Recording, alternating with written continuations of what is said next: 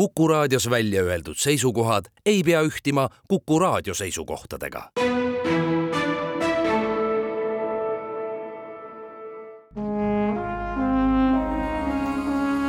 Vanemuise veerand.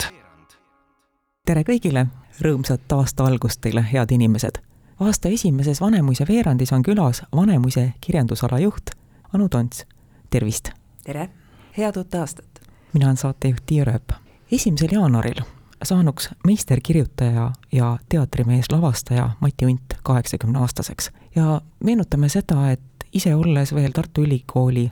toona siis Tartu Riikliku Ülikooli ajakirjanduse üliõpilane, töötas ta juba Vanemuisest dramaturgina ja kui me loeme luuleõhtu Suits pööriöö luhtadelt Mati Undi esimeseks lavastuseks, siis Mati Undi esimene lavastus sündis ka Vanemuise teatris nii kaugeid aegu mina muidugi täpselt ei mäleta, et ma tulin Vanemuisesse mõned aastad hiljem, jutumärkides mõned, ja selle Mati Undi esimese lavastusega, seda on jah, tinglikult äh, peetud tema esimeseks lavastuseks, aga ta ei teinud seda üksi ja see oli ka luulekava ja seal olid mingisugused muud asjad juures, aga jah, noh, ütleme niiviisi, et käe sai ta seal vist siis ikkagi valgeks ja tinglikult tema lavastuste reas see esimese kohal seisab, et sellisest päris Mati Undi lavastaja käekirjast, nii palju kui ma olen aru saanud, siiski me selle esimese pääsukese puhul veel päris rääkida ei saa. aga algus jah, ja Vanemuisega see üldse teatriga selline seos siis jah, tõesti ja ka hiljem, kui Mati Unt läks juba Tallinnasse, siis ikkagi tema seotus Vanemuise teatriga mõnel perioodil oli lõdvem, mõnel tihedam, aga ta siiski oli Vanemuisega seotud? jah, pärast äh, siis teatri uuendust, kui ta läheb äh, Tartust ära, siis mingil ajal vähemalt Vanemuisega tal sellist päris ametlikku töist sidet äh, nagu ei jää, et ta um, oli siis, töötas Vanemuise teatris kirjandusala juhina või dramaturgina või kuidas need ametinimed siis tollel hetkel täpselt olid, aastatel tuhat üheksasada kuuskümmend kuus kuni tuhat üheksasada seitsekümmend kaks. ja pärast seda läks siis ära Tallinnasse ja ütleme nii, et järgmise lavastuse või siis uuesti ta tuli lavastama aastal tuhat üheksasada kaheksakümmend kolm, kui ta tegi siis Schilleri röövleid Vanemuise teatris, aga ka see ei olnud veel siis tema Vanemuise uue kuldaja algus, vaid üks väike vahekäik, enne kuni ta siis uuesti Vanemuisesse tuli ja tegi siin hästi uhke lavastuste seeria. lähtudes sinu ametist, sinu positsioonist teatris, kuidas sa iseloomustaksid nende näidendite, nende tekstide olemust, mis käivitasid Mati Unti niivõrd, et ta võttis ja vormis neist lavastuse, sest nende sajakonna lavastuse hulgas, mida Mati Unt tegi, meenutagem näiteks, et on neli, mis on sündinud Oskar Lutsu ainetel ja vastukaaluks ka neli, mis on sündinud Shakespeare'ist tõukudes. See on nüüd küll pähkel küsimus, millest saaks kirjutada võib-olla terve teadustöö, et ma ei ole selleks niiviisi ette valmistatud, et mm, nüüd niisugust kiiranalüüsi tehes on raske öelda, mis see ühisnimetaja või noh, tõesti nii nagu, nagu sa küsisid, et tõid ise näite, on seinast seina neid lugusid, tõesti, seal on klassikuid, seal on Eesti autoreid, seal on huumorit, seal on traagikat, tal on hästi erinevad põhjused, miks teda üks või teine tekst huvitab või et kuhu ta selle konksu taha saab, et need on sellised üldinimlikud teemad, väga võimsad teemad, sageli, sageli ta minu meelest ikkagi sellise ka võib-olla esimesel pilgul lihtsa loo suutis ajada kuidagi laiemaks või suuremaks või see teema muutus kuidagi tema käsitluses ühel hetkel avardus või muutus globaalsemaks või te olid mingid veel mingid tasapinnad. ei mäletagi nagu Mati Undi lavastuses ühtegi sellist äh, asja, mis oleks jäänud kuidagi tasapindseks või ühe, ühetasandiliseks, et ikkagi neid maailmu tekkis sinna nagu rohkem või palju. Ja noh, Mati oli ju modernist ja selline mm, võõrutaja ja tal oli nagu väga palju selliseid talle ainuomaseid lavastajatehnikaid, mida ta varieeris ja kasutas tükist tükki tegelikult, võib-olla muusikakasutus, teinekord või võib-olla natukene niisugust kitšilikkust, isegi sentimentaalsust ja siis jälle sinna vahele mingi huvitav kujund, valgusest rääkimata, mis tema lavastustes oli hästi huvitav, et nii ta tegi nagu tegelikult iga näidendi, mida ta lavastama hakkas, kuidagi enda omaks, ta ta muutis ta selliseks matihundilikuks, et see, kas seal nüüd oli, kõigis neis kindlasti ei ole nagu ühte kindlat teemat, aga väga palju on ikkagi neis sellist ähm, inimese ja ühiskonna võib-olla selliseid vastandusi, sageli siiski sellised ähm, ka tugevad armastuslood ka erinevate objektide vastu armastus, on see siis isamaa armastus, on see mehe ja naise armastus, on veel mingisugused sellised noh, loomingulise inimese mingisugune konflikt või siis ka võimusuhted, no neid võimalusi on nii palju, et ma jäängi seda ette vuristama ja kogu aeg ise mõtlen ka midagi uut välja, Mati oli väga mitmepalgeline. sul on isiklikud kontaktid olnud Matiga, olite te head tuttavad? Eh, jah, võiks öelda küll, et tegelikult olime head tuttavad, ma tagantjärgi olen mõelnud, et ähm, ongi nii, et siis, kui mina Vanemuise teatrisse tulin aastal tuhat üheksasada üheksakümmend neli, algas just tegelikult Mati uus selline loominguline periood Vanemuise teatris, ta tõi lavale Komprovitši Ivona Burgundia printsessi. ja see oli olnud just pool aastat enne seda, kui siis mina Vanemuisesse tööle tulin ja kõik need, selle uhke rivi, mis ta siis seal järgnevatel aastatel välja tõi, selle ma nagu tegelikult tegin kaasa. Ja tagantjärele mõtlen, et issand, kui noor ja rumal ma olin, et ma ei taibanud, kui erilise inimesega elu meid kokku viis, et siis kuidagi oli enda elu nii põnev ja et Mati tundus ka kuidagi iseenesestmõistetav, et huvitav küll, jah aga tagantjärele ma mõtlen, et oleks võinud ikkagi väga palju rohkem võib-olla veel märgata, tähele panna kuna ta oli endine Vanemuise kirjandusala töötaja, siis ta sageli tuli kirjandustuppa enne proovi ja pärast proovi ja ajas juttu, siis oli veel selline traditsioon, et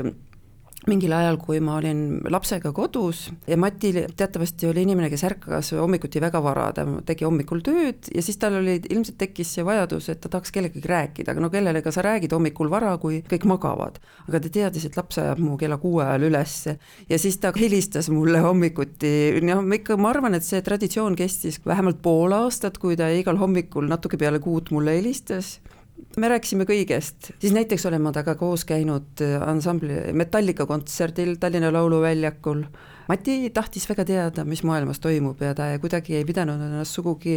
ühegi asja või nähtuse jaoks vanaks, et ta oli väga uudishimulik, et tagantjärele ma mõtlen, kas mina praegu viitsiks minna Metallica kontserdile, aga Mati igatahes läks sinna koos minuga väga suure huvi ja rõõmuga, sest ta tahtis olla kursis. mul on sulle järgmine, mitte vähem keeruline küsimus kui need eelmised kui sa mõtled nende lavastuste peale, mida sa näinud oled, mis on Mati Hundi lavastatud, mis oleks esimene, mis sulle tuleks kohe meelde kui erakordselt sügava mulje jätnud? andmaks sulle mõtlemise aega, ma võib-olla ütleks, mis minu jaoks on Rakvere teatri alt välja tulnud lavastus, see oli Majahoidja mm, -hmm. seda käidi mängimas Tartus, selles samas majas, mis toona oli üsna räämas olekus, kus mm -hmm. praegu on teatrikodu mm -hmm. ja ilm mängis ka kaasa, see oli vapustav elamus. jah,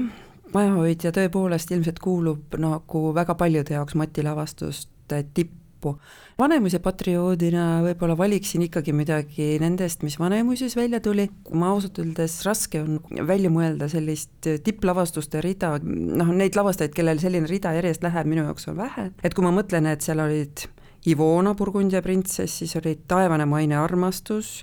Lõoke taeva all, Hamleti tragöödia, laulatus, Meister ja Margarita, Kirsi aed, vend Antigone, ema Oidipus, ehitusmeister Solnes põhimõtteliselt need on kümne aasta jooksul tehtud lavastused, eks ole, ta ei olnud Vanemuises siis palgal, vaid käis külalislavastajana, aga noh, põhimõtteliselt selline uhke rida. et kui ma nüüd niiviisi peaks valima, mul on nagu kaks lavastust võib-olla tõusevad minu jaoks emotsionaalselt rohkem esile, üks on Taevane ja maine armastus ja teine on Meister ja Margarita, mis minu jaoks võib-olla on natukene nagu emotsionaalselt siiamaani rohkem mälus. Meistri ja Margaritaga juhtus see asi, et eks ma olin teda selleks hetkeks muidugi juba lugenud, aga tunnistan, et vist see protsess Vanemuise teatris, kui Mati lavastas Meistrit ja Margaritat, selle protsessi ajal, selle lavastuse valmimisega sain ka mina nagu Meistrist ja Margaritast äh, mingi hoopis teise mulje või hakkasin teda teise nurga alt nägema või et ta muutus minu jaoks niivõrd palju mitmetasandilisemaks ja huvitavamaks, et vaimustuse tunne, kui sa saad aru, kuidas üks teos avaneb, minu jaoks oli see nagu hästi uhke ja see emotsionaalne mälestus sellest lavastusest, ma siiamaani suudan mingeid pildikesi taastada, noh näiteks ma ei tea, kas seda on kuskil mujal tehtud või oli see Mati leid, aga see, kuidas Juudas teeb, eks ole, oma noh, seal on see kahetasandiline mäng, eks ole, Janek Joost reedab siis selles Moskva maailmas kirjanikku, teeb kaebekõne siis sellest nõukogudeaegsest hallist taksofonist ja kui ta selle kõne on lõpetanud, siis ta virutab rusikaga vastu seda telefoniautomaati, mis on seina küljes ja kõik need mündid, mis ta sinna sisse on pannud, need pudenevad sealt välja ja see siis, eks ole, täpselt haakub selle teise paralleelmaailmaga, mis toimub siis seal kauges-kauges ajas, kus siis Juudas saab oma seeklid reetmise eest. ja see on mul nii silma ees, kuidas see laval oli, aga seal oli veel palju-palju muud. taevane ja maine armastus, mida ma siis teisena nimetasin oma selliste meeldejäänumate hulgas, oli ju selles mõttes juba vapustav, et ta kestis vist peaaegu viis tundi ja seal olid tõesti kõik need Tammsaare teose osad siis lavale toodud, kogu see lugu algusest lõpuni, nii mahukas teos.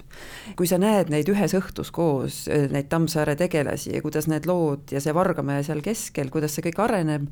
viis tundi kõlab ju tänapäeva inimese jaoks päris jubedalt tegelikult, et eh, tundub väga pikk ja kaua, et selleks peab ikka hea põhjus olema, et ka vaataja aega nii palju raisata, aga noh, vot on need hetked, need imelised hetked, kus sa mõtled, et see tükk ära ei lõpeks, et kestaks veel ja veel, et see oli kindlasti üks neist. Mati oli sellel hetkel sellises väga heas vormis, tal olid Vanemuise trupis oma läbi aegade, need küll vahetusid, aga oma lemmiknäitlejad ja need näitlejad olid heas vormis ja kuidagi see vastastikune sünergia töötas imeliselt, et need olid ilusad ajad, väga hea teater sündis siis. mis lausega oleks õigem lõpetada jutuajamine Mati hundist, kas jäägem moodsaks või peaasi on mitte igav olla ma arvan, et see peaasi on mitte igav olla, sobiks minu Matiga päris hästi. tõsi ta on, et Matist võiks rääkida palju, aga kõigile, kes tahaksid nagu Matiga veel aega veeta, siis ma soovitan, lugege Mihkel Muti äsja ilmunud raamatut, ta avab Mati hundi maailma ja Mati hundi isiksust väga huvitavalt ja kaasahaaravalt. aitäh, Anu Tonts! saatejuht Tiir Ööp tänab kõiki, kes meid kuulasid, soovime teile teatri- ja kultuurielamuste rikast aastat. jälle kuulmiseni! Vanemuise veerand